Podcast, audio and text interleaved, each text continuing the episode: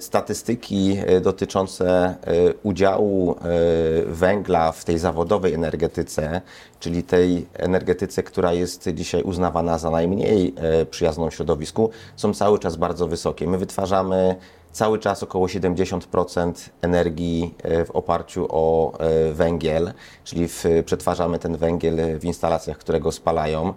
Jest trochę instalacji gazowych, a pamiętajmy, że instalacje gazowe to cały czas jest jeszcze e, instalacja działająca w oparciu o paliwo kopalne.